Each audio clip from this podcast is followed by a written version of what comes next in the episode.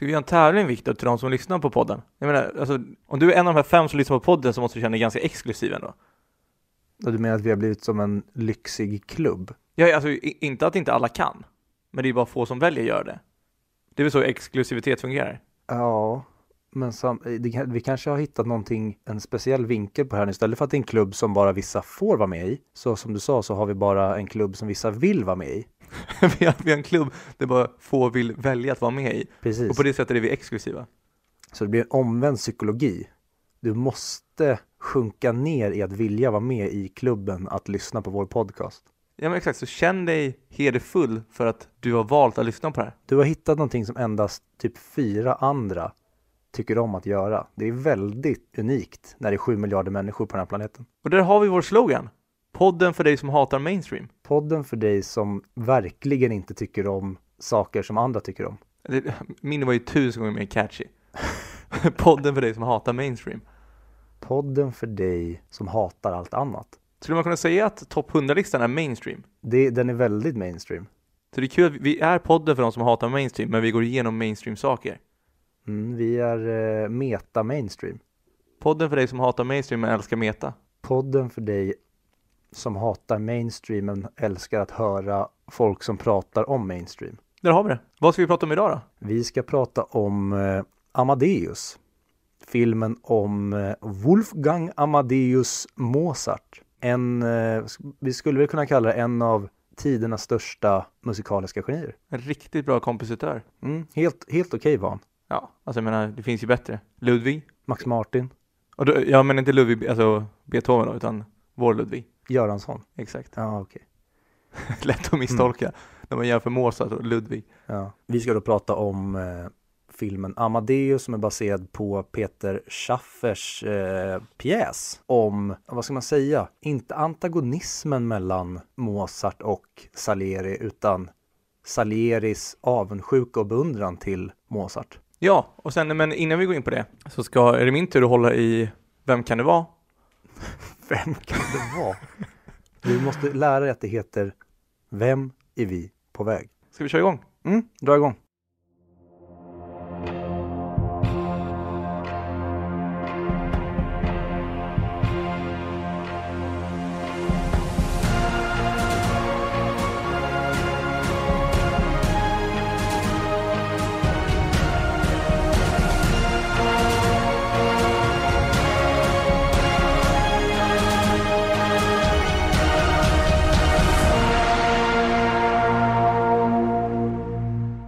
Hej och välkomna tillbaka till 100 Mic Podcast, podcasten där vi pratar upp IMDBs topp 100-lista men inte Charlie Chaplin.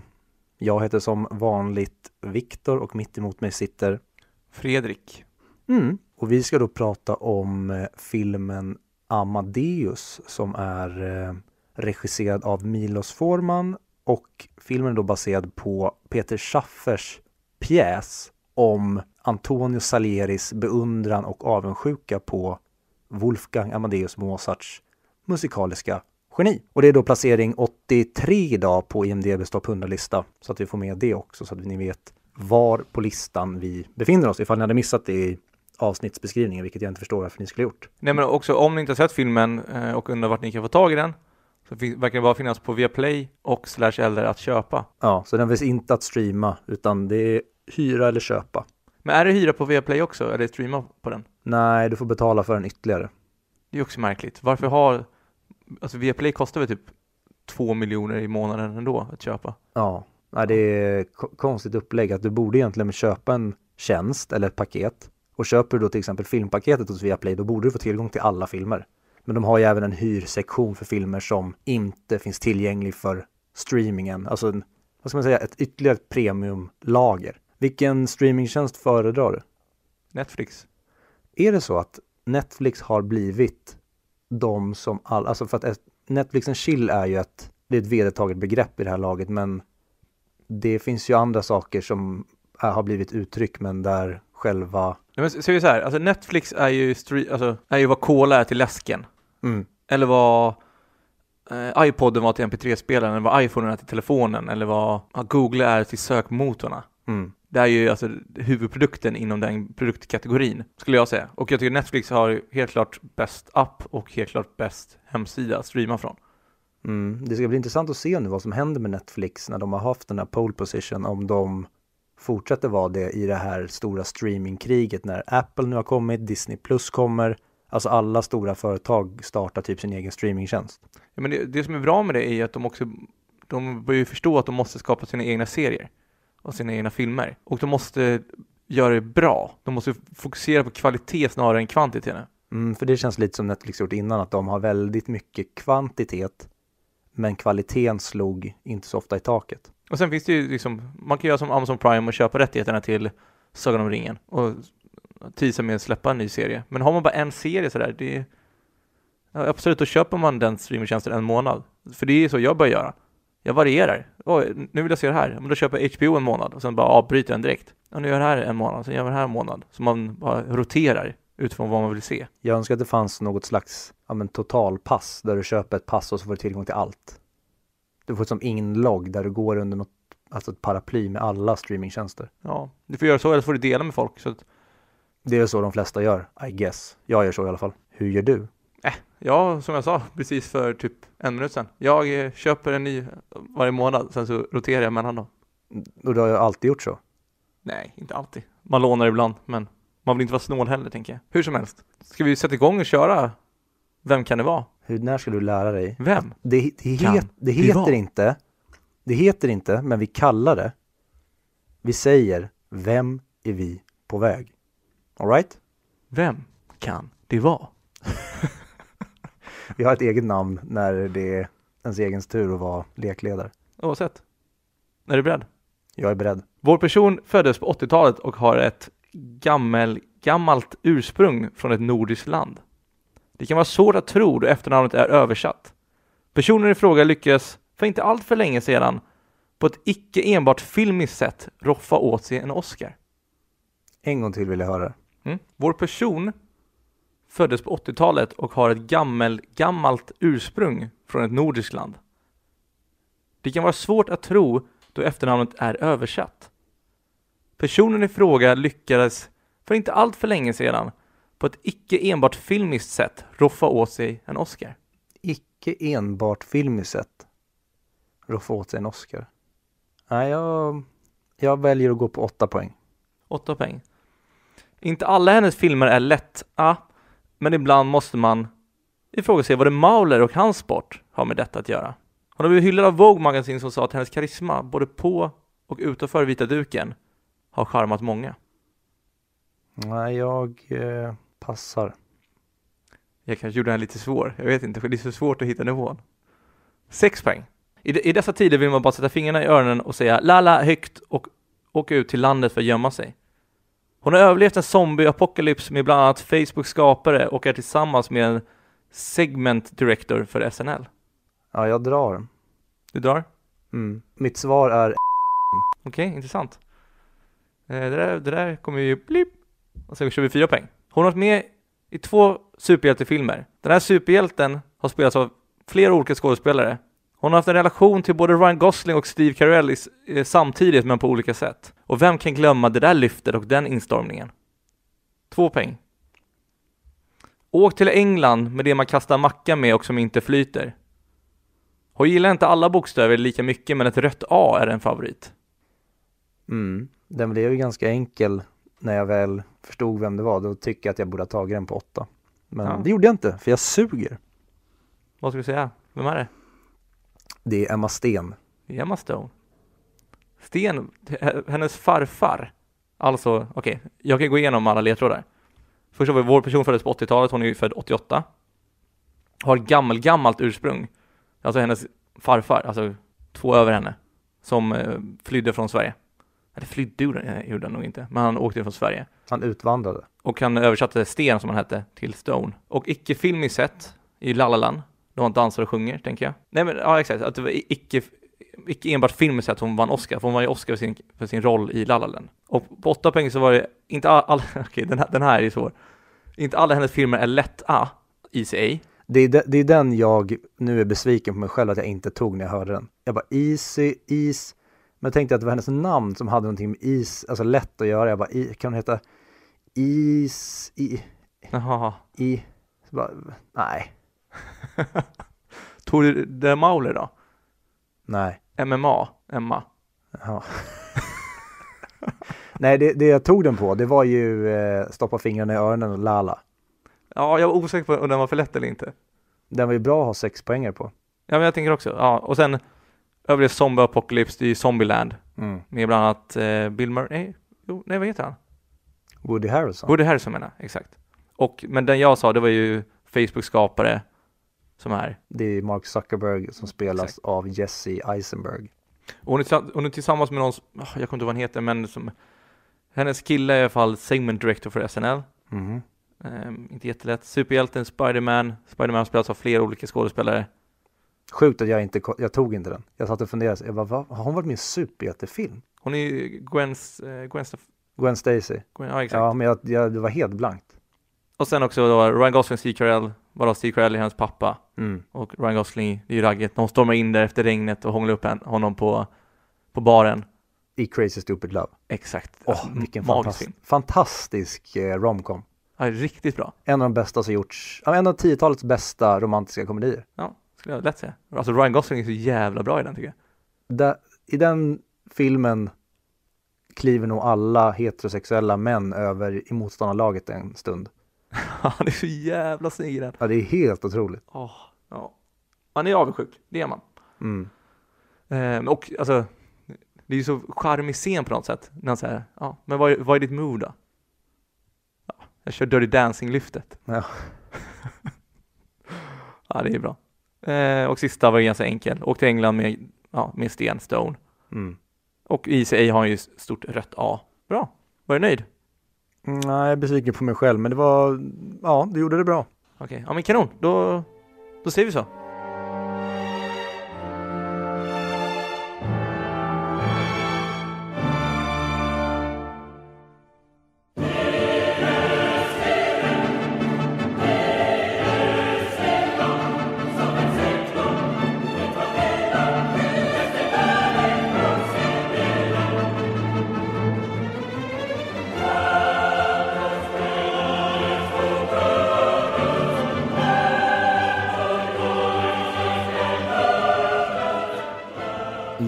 Käre Friedrich Chopin.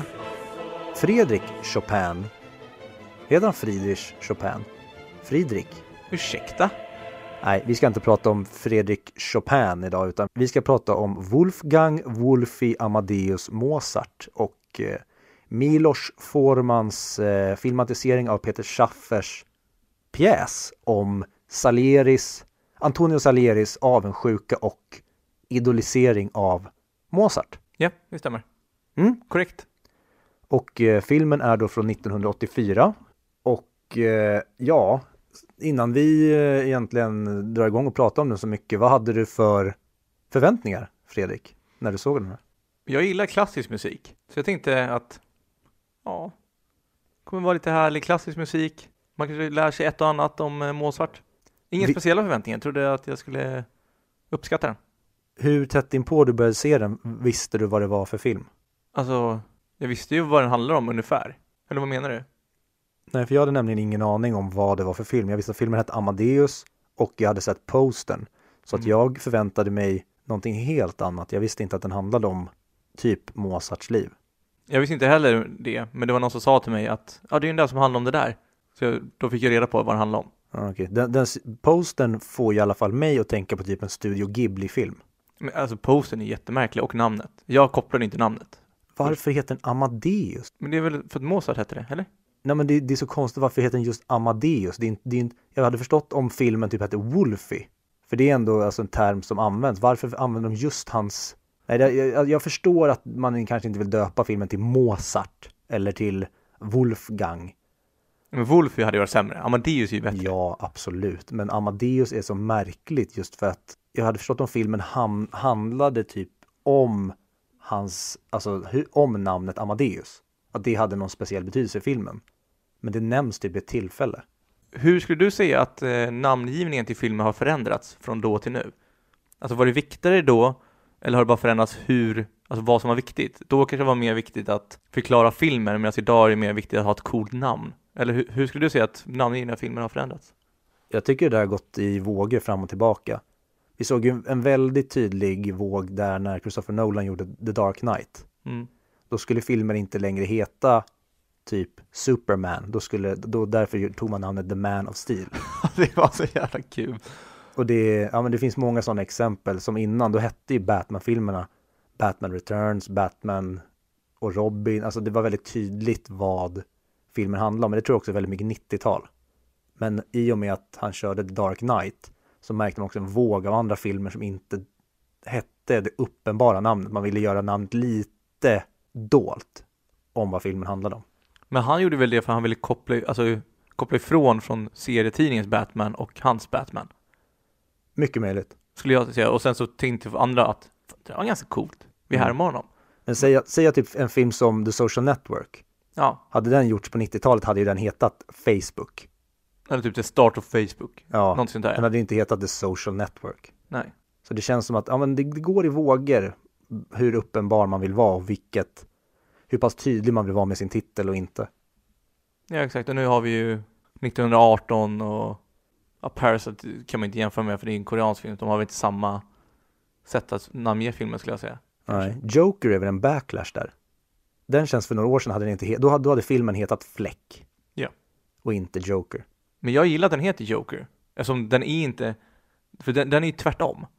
Den heter ju som serietidningen men, den, men filmen är inte som serietidningen. Ja, så att, eh, ja men Amadeus är lite off men det är samtidigt, det, det är ett snyggt namn ändå, för det är ändå en del av hans namn. Mm. Men det är väl det, den delen av, av Mozarts namn som folk känner till minst.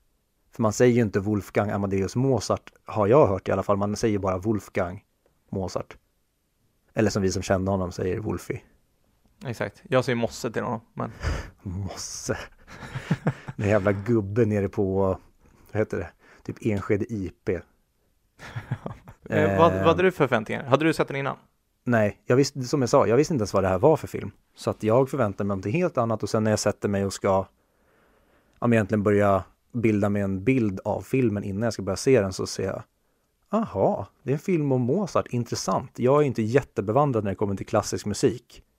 Så det, skulle vara, det, det kändes kul och speciellt eh, Milos Forman som är kanske inte en av mina favoritregissörer men han har även regisserat eh, One Flew Over Cuckoo's Nest eller som det heter på svenska, Gökboet, som är en av mina favoritfilmer. Så att eh, Milos Forman har ju mer än en film med på topp 100, för vi ska ju prata om Gökboet längre upp på listan. Så jag var taggad på att se en Mm. Milos Forman-film. Mm, kul. Eh, vill du gå igenom, eller behöver vi gå igenom vad det handlar om egentligen? Nej, alltså kort och gott, det handlar om, egentligen så får vi följa Antonio Salieri, också en, ja men en klassisk kompositör. Och egentligen hans berättelse om hur det var att leva typ i skuggan av Mozart. Och alltid vara avundsjuk på Mozarts geni. Jag förstår honom. Eh, en, en cool grej om den här filmen är att eh, professorer, eller man ska kalla det, som, som kan musik, eh, har studerat filmen och sagt att inte en enda keystroke på pianot är fel mot vad man hör. Det vill säga att de spelar exakt det du hör genom hela filmen. Det tycker jag är väldigt imponerande. Otroligt. Alltså det är verkligen, när vi pratar om den här typen av musikalisk nivå så blir det än mer imponerande än om det hade varit typ en film om, ja men ta typ Johnny Cash. För det är en mer enkel musik att spela. Visst hette han Murray, han som spelade Murray Abraham, Ja. som spelade Mozart? Mm. Han fick ju lära sig hur man dirigerade musik. Han, fick, han fick lära sig läsa och eh, ja, översätta musik blir det väl? Ja, läsa och, och conduct music. Jag vet inte vad det heter på svenska. Ja, di, Dirigent.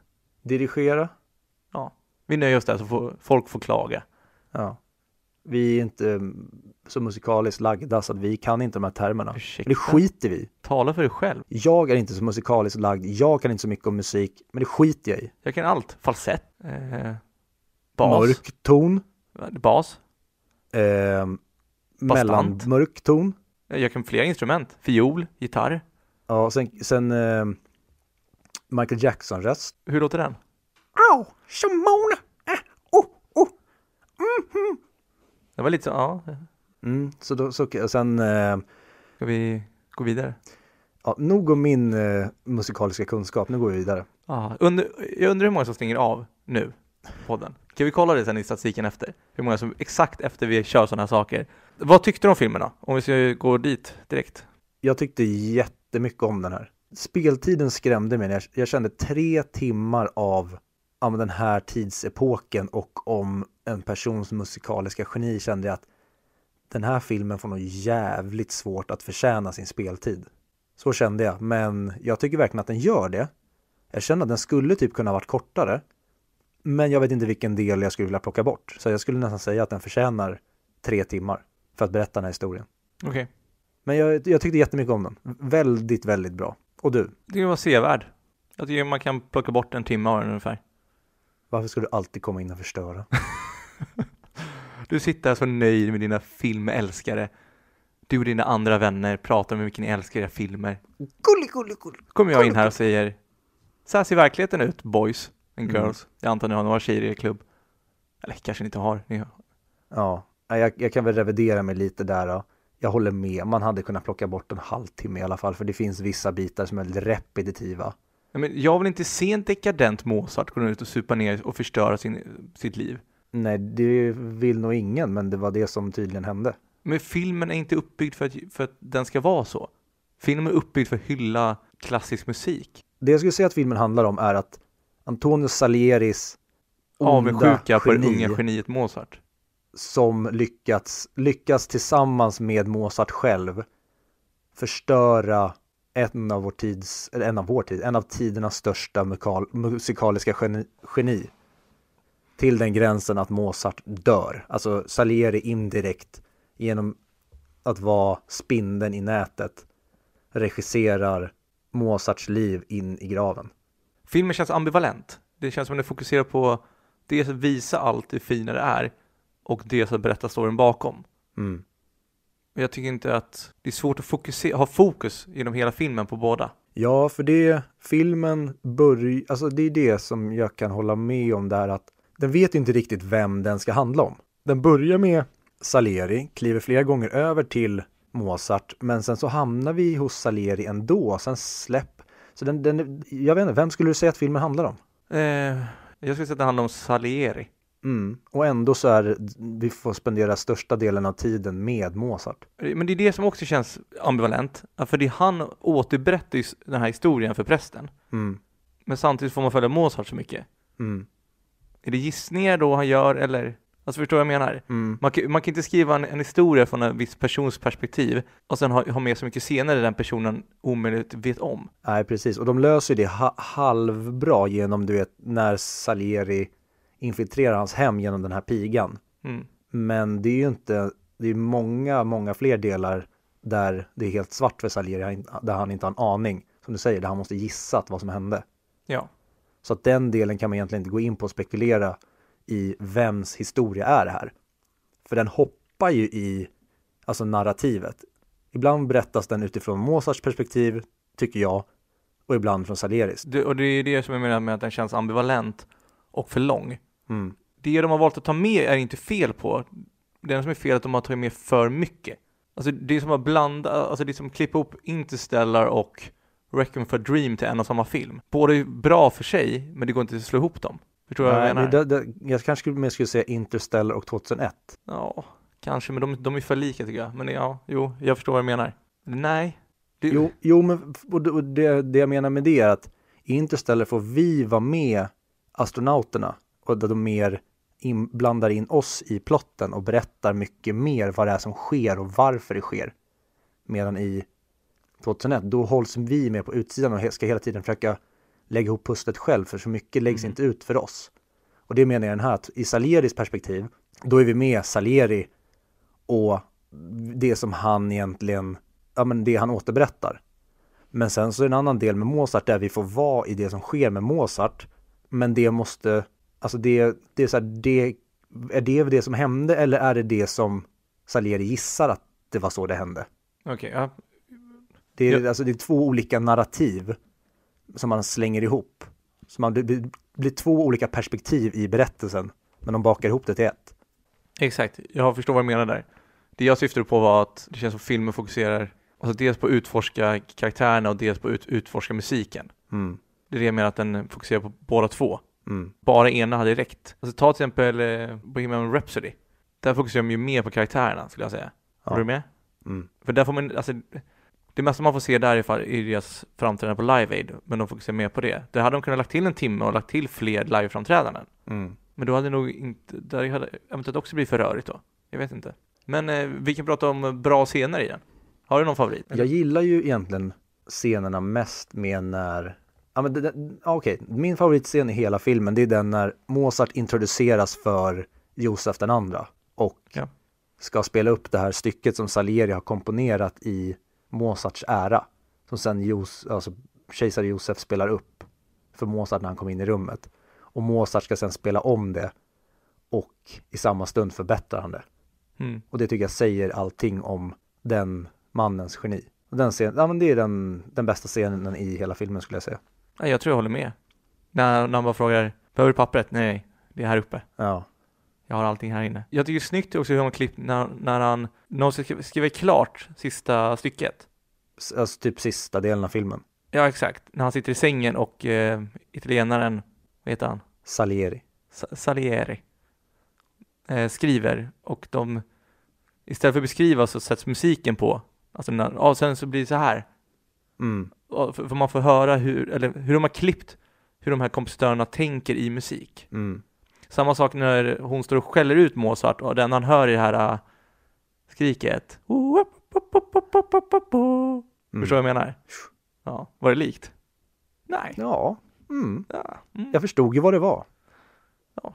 Det var ingen Michael Jackson-ton eller en Barry White-iska men jag förstår. Nej, jag ursäktar, jag är lite, lite bakis idag känner jag. Så. Mm. Men jag gillar också i filmen hur de, eh, vi kan återgå till de här scenerna strax, men Mm. jag tänkte bara, för har du hört låten som heter Leck mich im Ach av Mozart? Vet inte. Eh, jag kan spela upp den. Mm.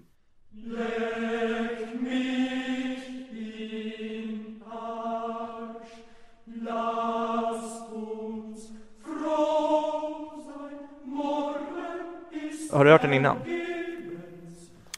Ja, jag kände faktiskt inte igen den. Just det här jag tycker att de har porträtterat ganska bra i filmen.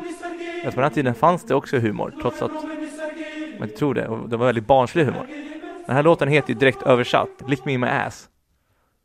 Fast på tyska, alltså Leck mich im Ach av Mozart. Så han har Mm. alltså skrivit en låt att folk ska slicka honom i röven. Det jag tycker är kul är att när man gick i skolan och hörde Mozart när man var 7-8 år och lärarna spelade upp det. Man tänkte ju på de här riktigt stiffa gubbarna med sina peruker som bara satt där och var åh, proper. Och så, och så vidare. Mm. Men det var de ju verkligen inte. Det var, ju det, det var ju synd att man inte fick förklarat för sig. Jag fick i alla fall inte det. Det var ju synd att man inte fick förklarat för sig, eller jag fick i alla fall inte det, som du säger, när man var i den åldern, att varför berättade de inte hur skeva i huvudet alla var på den här tiden, vilken dekadent tid det var? Som du säger, man trodde att alla hade de här propra kläderna, peruken och alla satt och bara var stiffa och pratade väldigt formellt och lugnt, men det var ju på den tiden var de sjukaste jävla fylleslagen. Alla festade ju som dårar. Ja. Majoriteten av befolkningen var ju alkoholiserad och liksom sket och spydde i gathörnen. Det Ja, var de ju dränkte liksom all. Chaparral överallt. De dränkte all, all ångest med vin och öl och sånt hela tiden. Mm. Och, och jag tror ju att, att lärarna hade tjänat på det, att berätta om sådana här saker. Då hade nog jag blivit mer intresserad av att lära mig om klassisk musik. Och det Oh, var ja. så här, men han är ju lika omogen som jag är nu. Ja. Det här var intressant. Tänk om vi hade fått se Amadeus när vi gick i skolan. Ja. Och få se den här porträtteringen av Mozart. Bara hans jävla garv. Ja, men ja, just det. Han kan, skrattar han sådär på riktigt? Ja, men jag googlade lite på var skrattet kommer ifrån, för jag tänkte att skrattade Mozart verkligen så här? Och någon borde ju vara säker på att han skrattade så här om man nu ska ha det här extremt överdrivna skrattet i filmen. Men då visade det sig att Tom, eh, jag tror att det uttalas Hals, som spelar ja, Wolfie, han baserade det här skrattet på en regissörs skratt som han tidigare hade jobbat med. Men han berättade aldrig vilken regissör. Det känns jättekonstigt. Varför ha det här extremt överdrivna garvet om det inte var någonting som var jättekänt att Mozart hade. Det känns ju bara märkligt, för det får en bara störa sig på honom. Jag, jag, jag tyckte det var skitjobbigt hela tiden. Det kändes, ja men återigen, det här blir Joker-podden, men jag går tillbaka till Joker. Det känns som när man får höra honom skratta i början. Ja. Det känns extremt överdrivet och out of con- context tills man förstår att ah, okej, han har en åkomma, han skrattar så här för att det är något fel på honom. Och det var det jag trodde hela tiden att det var med Mozart också i filmen, att han måste skratta så här av en anledning, men han gjorde det bara genom hela filmen, det var hans garv. Det känns en onödig faktor. Det är bättre att visa att han är jobbig för att han är en rockstar och går runt och super och lite så här. Och att han tycker om lite kanske omogna saker eller vad man ska kalla det. Och det är bra att du säger det, för det är det jag ville prata om härnäst. Fantastiskt tycker jag att de porträtterar, de, det här är egentligen en film om en rockstjärna. Ja. Och det är det som gör, det som är så jävla bra att, ja, men istället för att han omfamnar sitt geni och är alltså nykter och produktiv på ett sätt som är sunt samtidigt som han är en bra familjefar och en bra men, make. Så är det verkligen om, ja men det är 1700-talets största rockstjärna. En snubbe som var så jävla full av, full, full of himself att han var liksom, han var så övertygad om att han var briljant. Att människan blev vidrig och destruktiv. Han känns osäker. Men ändå går han och säger att det här är bästa musiken som någonsin har gjort. Det här är bästa operan som någonsin har skrivit. Mm. Men samtidigt så känns det som att han ändå söker bekräftelsen. Vilket visar ändå på något sätt, han är, han är, hur ung är han i filmen? Han dör ju vid 36. Ja, Och jag vet att när han, han var 26 när han skrev, jag kommer inte ihåg vilken, verk, vilken opera han skriver. Men en av hans Figaro. största jag. Ja. skriver han när han är 26. Jag hade ju velat vara där och höra föreställningen. Mm. Tänk de som var där, jag vet inte, alltså för att Mozart är precis som många av våra största genier mer uppskattad efter sin död och långt efter verken har skapats än där och då. Att många av de här äh, som idag anses som en av alltså de största operorna och de bästa operorna som har skrivits, de där och då blev nedlagda för liksom fem föreställningar. Och det har varit häftigt att ja, vara en av de som var där och sen i efterhand kanske fick höra hur Alltså vad det, var, vad det var han hade skapat och vad du hade bevittnat. Du hade bevittnat liksom en av tidernas största musikaliska verk. Men ingen förstod det där och då, utom han själv. Uppenbarligen, och Salieri, enligt den här filmen i alla fall. Ja. Men kan det varit så att hela Europa, att det var jantelagen som styrde och har gjort det? Det som vi i Sverige alltid klagar på. Ja, men, Men- var det inte, de pratade väl om det i filmen också, att det här var en tid när det var väl strax före franska revolutionen också. Ja, alltså det, det var ju före franska revolutionen i alla fall, men eh, vet och det, det pratar ju eh, Josef den andra om i filmen att det finns ingen anledning just nu, det, det är lite, alltså så här, ehm, ja men bourgeoisien satt i sina slott och hade sina galna fester medan folket där ute fick betala för det. Och det här var ju, ja men när franska revolutionen väl skedde och att folket gjorde uppror mot överklassen. Och det säger han att det finns, skriv inte det här för det, vi vi behöver verkligen inte någonting som upprör pöben just nu.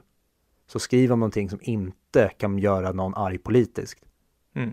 Men det sket ju han i. Ja, men han sket ju allt. Det- Ja, det gjorde han verkligen. Sen, jag gillar inte första scenen, men då är han ganska ung. Men när han håller på och leker med den tjejen, ja, nästan, nästan inte våldtäktskänsla. Ja, Jag tycker scenen. han är, han charmar ju henne så det bara sjunger om det. Ja, men han lyckas ju till slut, men hon vill inte i början. Jo, hon vill ju, men hon, hon, hon jag, jag, jag tolkar i alla fall som att hon vill, men Ja. hon är rädd för att de ska liksom hamna i trubbel och att det ska bli pinsamt. Men det blev verkligen så här, ah, den var jobbig scen att kolla på. När han skulle göra all- allting baklänges. Ja. Det, alltså det var ju bara cringe för mig.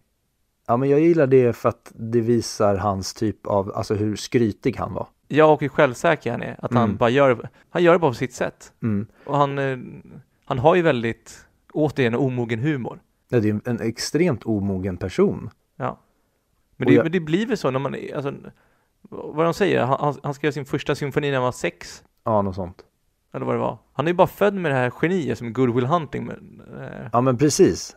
Exakt. han kan musik. Mm. Och Och han vet hur man gör musik vackert Mm. och bra. Och jag, det jag tycker är en, jag läste en, jag vet inte om det var trivia eller om jag, när jag bara läste om Mozart efter, för jag blev, tack vare den här filmen, jag blev jag väldigt fascinerad av honom. Och väldigt intresserad och jag har ju lyssnat på hans musik nu efter och kunna ta till mig den mer. Så filmen har ju verkligen gett mig ett intresse för Mozart som jag aldrig tidigare haft. Så att det, men en väldigt intressant story var ju den när han och hans pappa besökte En var ju när han och hans pappa besökte Sixtinska kapellet och han såg en eh, opera fram, framföras där som endast var tillåten att framföra i Sixtinska kapellet. Så det fanns, den fanns inte tillgänglig någon annanstans. Mozart hörde den i ung ålder, åkte hem, skrev ner den och utförde den. Och sen åkte, reste han tillbaka till Sixtinska kapellet och kollade upp hur mycket rätt han hade fått genom att bara höra den här i Sixtinska kapellet. Och det visade sig att det var bara några få noter han hade minns fel. Det säger så mycket om det sjuka, alltså den hjärnan som han besatt. Men undrar om han alltså, hade någon sorts åkomma eller någonting, någon Aspergers? Säkert. Men han var, alltså, han alltså, hade nog... något som, okej, okay, men om vi säger så här, något som fascinerar mig när man tänker på sådana filmer, det är att jag undrar hur många personer som är sådana här genier eller har varit sådana här genier och kunnat utföra sådana saker, men som det inte har hänt något med för de inte haft de förutsättningarna. Säg på den här tiden, de, de kanske föddes i en fattig familj och var tvungna att stå på, alltså, och odla potatis hela dagarna. Eller, no, eller på något annat sätt. Mm. För jag menar, det räcker inte med att du föds ett geni, du måste också få tillgång till att kunna lyssna på musiken och, upp, och, och uh, få skriva ner den och uh, kunna upptäcka att du kan, att, att du har de här färdigheterna. Mm. Ja, det är nog otaligt många genier som har gått till spillo på grund av fel förutsättningar eller utebliven tillgång till verktyg för att låta det här geniet gro. Ja, och hur ska vi lösa det, Viktor? Ja, genom att plocka bort alla genier så att ingen får göra någonting. Jantelagen? Mm. Mm. Intressant grej med den här också, den vann ju åtta Oscars. Ja, det kom inte ut några andra filmer det här året eller? eh, och bland annat så vann ju eh, Abraham för sin roll som Salieri. Vad tycker du om det? Alltså jag tycker inte att han gör någonting fel i den, men jag tycker inte att, att han gör någonting extraordinärt heller. Jag tycker han, eh, jag, jag, kan hålla med om det du säger i den unga Salieri. Där mm. spelar han bara sin roll som han borde spela den. Men jag tycker han är briljant i gamla Salieri när han sitter där som den här galningen och ja. bara skryter om hur det var han som ja, men, var dels han, han, han, han, borde vara förälskad i Mozart och hatade honom samtidigt. Ja. Och han egentligen krossade det här, den här övermänniskan för att det, han var så avundsjuk på honom. Beskriver han inte det också i samma sak med hon tjejen, operasångaren? Att han säger att den här kvinnan, jag är förälskad i henne, men det gör ingenting om jag inte får ha henne. Men jag klarar inte av att någon annan skulle få henne heller. Mm. Det känns inte samma relation till Mozart där. Ja, kanske. Inget jag tänkte på i alla fall. Okej. Okay. Men jag gillar det just det där med att han, det gjorde ingenting att hon alltså, avvisade honom. Så länge ingen annan fick ha henne. Nej. Det var först när Mozart hade henne som han blev sårad. Tydligen var det så på riktigt att eh, hon, eh, den här eh, operasångerskan var aldrig med Mozart utan hon var med Salieri. Så att det där är bara fabricerat för att det ska passa in i narrativet tydligen. Okay. Och det är säkert många sådana saker som är i filmen till exempel. Mozart led, led ju väldigt mycket psykisk och fysiska sjukdomar. Han var i princip sjuk genom hela sitt vuxna liv. Men här tycker jag med filmen framställer det som en självdestruktivitet och typ alkoholism. Exakt, här är det ja. att han själv förstör sig. Ja men precis, jag hade varit, tyckt det var mer intressant om de hade visat mer av hans psykiska fördärv att i och med det här geniet så kom det också en stor förbannelse. Hans, ja men prestationsångesten visar ju en del men den tycker jag egentligen visas i och med att den tillsammans med alkoholismen föder den här destruktiviteten. Jag hade velat se fler lager av det, men det kanske var att det kanske är att man är skadad av samtiden, att filmer som görs idag vill man ha ännu fler lager istället för bara de här två. Det kanske var, kändes djupare när filmen kom än vad den gjorde för mig idag. Ja, men där tycker jag att vi, att vi går tillbaka till problemet att den känns ambivalent, att den inte utforskar någonting, utan den, vill, den har så mycket saker den vill beröra. Så att den eh, tappar djupet. Och jag, men, det, men det känns också som att det är många filmer från den här tiden, alltså innan 90-talet, som har den approachen. Och som du säger, det är skillnad från filmer som görs idag där vi, vi vill ha en uh, högre skalbarhet på filmerna eller djupare nivå. Mm. Men jag älskar sista scenen också. När han säger att, att han är ansiktet för kungen av mediokra människor. Mm. Han är deras helgon. Exakt. Att han inser att jag är bara medioker. Han har hatat det hela livet. Han hatar det fortfarande. Men han kan egentligen erkänna det. Ja. Men och det tycker jag är intressant att de porträtterar det så för att Salieri var inte medioker. Nej. Han, han är ju, alltså, jo, han, blev, han är ju bortglömd om man jämför med Mozart. Men han har ju skapat stora verk. Så han är liksom en, han är en stor kompositör i tiden. Jag känner ju till Salieri även fast jag inte har någon koll på klassisk musik. Ja, ja. Och tydligen så var det så att han var väldigt bortglömd runt tiden den här filmen kom. Men att den här filmen ökade tydligen, gjorde folk påminda om Salieri igen. Så han fick som en renässans tack vare den här filmen. Vilket jag tycker är ballt. Det är ju skitballt. Det vill jag ha ett segment om sen också. Vilka låtar som har lyfts på grund av filmer. Mm. Till exempel It Could Have Been Love med Roxette. Ja. Slog igenom jävla stort efter att de fick vara med i filmen. Ah, skitsamma. Framtida segment. En liten teaser. Mm. Vad tycker du filmen saknade? Det är väl det, att jag kanske saknar att den skulle vara lite tydligare i vem vi får följa. Om det är Mozart eller eh, Salieri. Men jag tycker fortfarande att de, alltså det... Jag, jag älskar hur, alltså att filmen gör det den gör, för jag tycker aldrig att den är ointressant. Alltså tiden sprang iväg, tre timmar kändes som en och en halv. Mm, jag håller inte med där. Jag tycker den känns väldigt lång. Mhm. Så jag tycker, alltså vad den saknar är egentligen vad den har. Alltså, okej, hur ska jag formulera det här? Vad jag tycker att den saknar är att den, den, den saknar modet att kill your darlings och ta bort saker. För den är för lång. det, det som, för, för det jag gillar med den, jag tycker att den har väldigt bra tempo. Och det som kanske gör, gör att jag tyckte att den kändes kort var att eftersom jag visste, och de presenterade i början av filmen när han säger att jag dödade Mozart. Och när jag visste att Mozart dog så ung, då kände jag egentligen mycket så att Nej men vad fan, varför slösar ni tid på den här delen av Mozarts liv? Han, vi måste hinna med och se all hans genialitet nu innan han dör. Så jag var rädd hela tiden att så här, ska det här bli sista han gör? Dör han snart? Så det kändes hela tiden som att tiden var för knapp för att hinna presentera hela Mozart. Så det kändes hela tiden som att vi hade en tidspress innan han skulle dö för att jag visste att han skulle dö garan, alltså hyfsat ung. Ja men det är väl också det som är så svårt när man gör sån här film. Det är det är därför den blir så lång. För att få med allting. Mm. Och ändå känns det som att de inte fick med allting. Nej, precis. Det är det jag kan tycka. Det känns som att det fattas vissa delar. Kanske en, jag hade kanske velat se ännu mer av ja, men den framgångsrika delen av Mozart.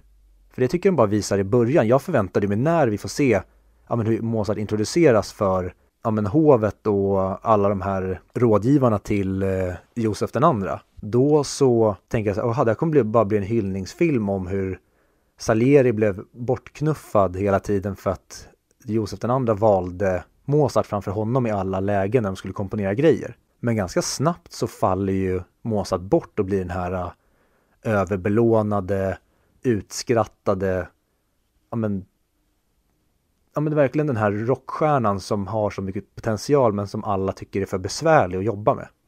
Ja. Och det älskar jag att de gjorde hyfsat tidigt så att mycket av filmen handlar om, om den här otroligt, man säga, den här otroligt, eh, om det här mörkret kring Mozart och även vad hans fru får utstå.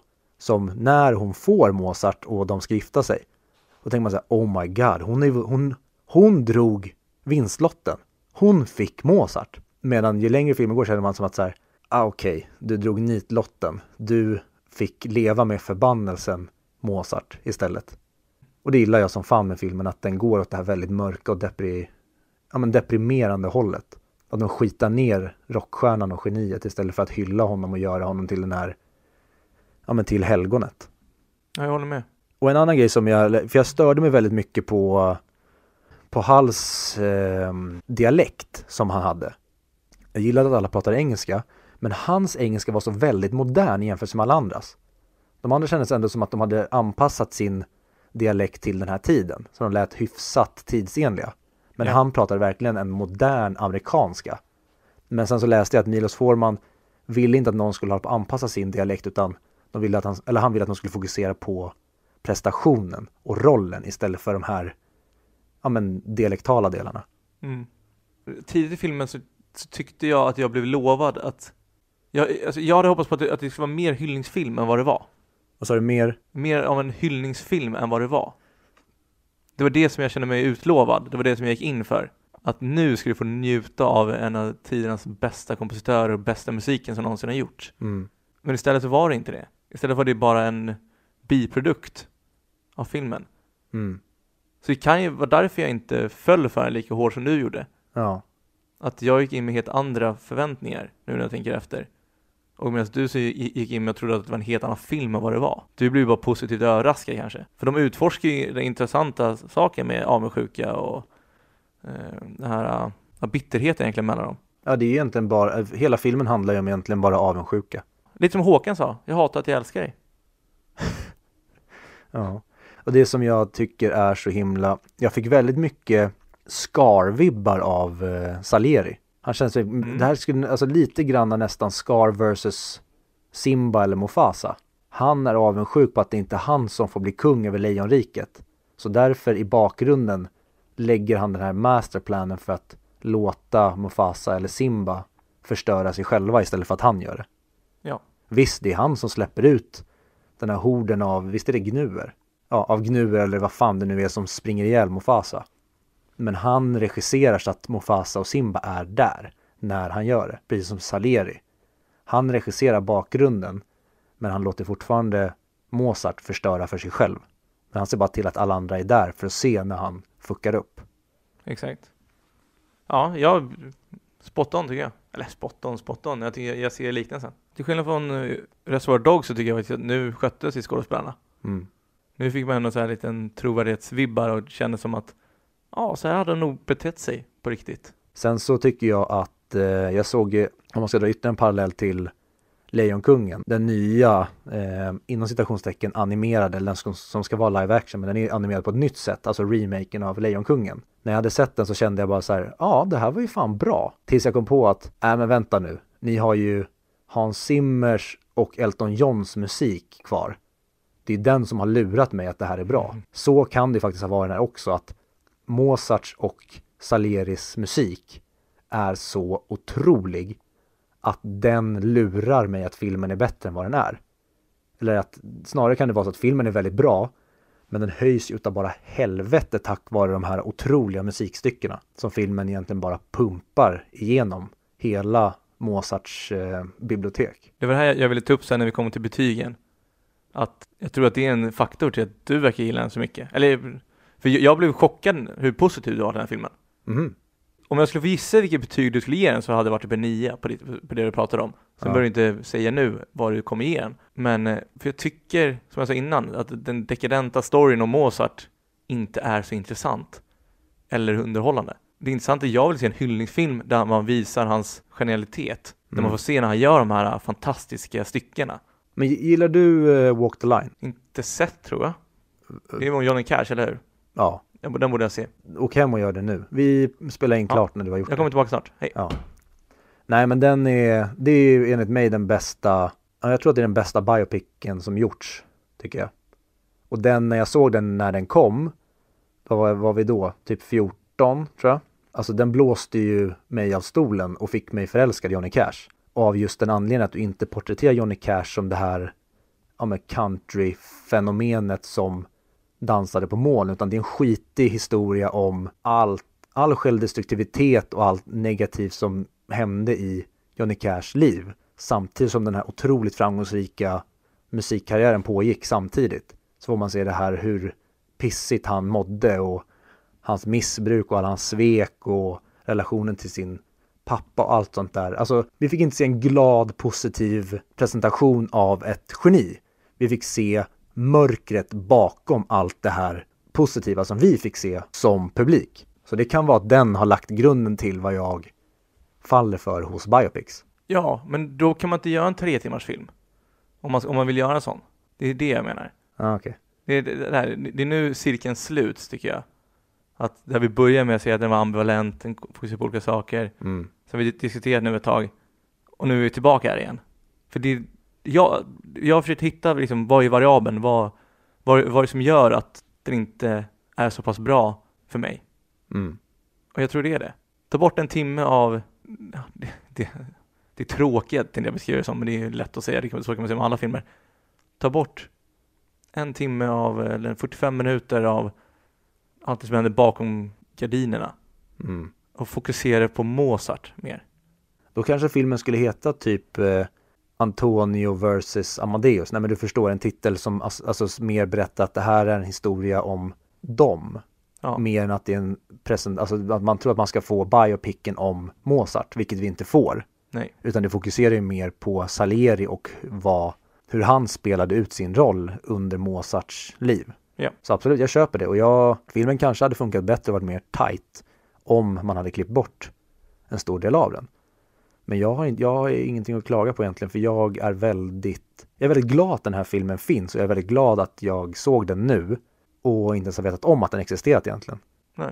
Eftersom jag ändå gett ganska mycket kritik till den, du också inflikar med saker, Mm. så kan vi hoppa över vad andra sagt för Ja. kritik.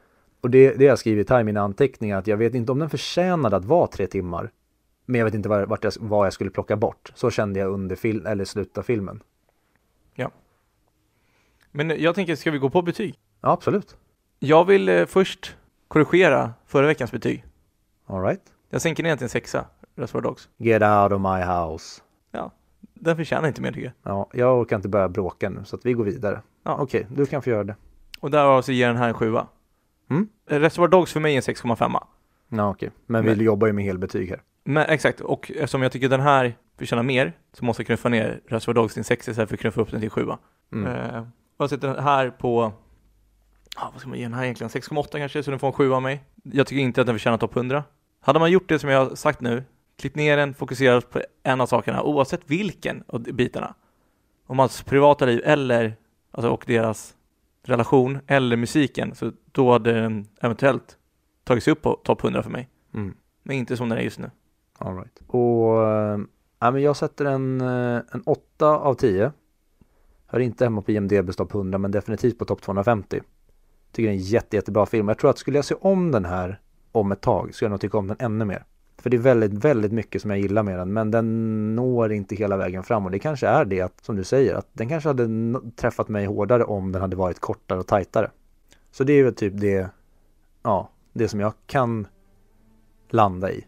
Definitivt en av de bättre biopicsen som jag sett.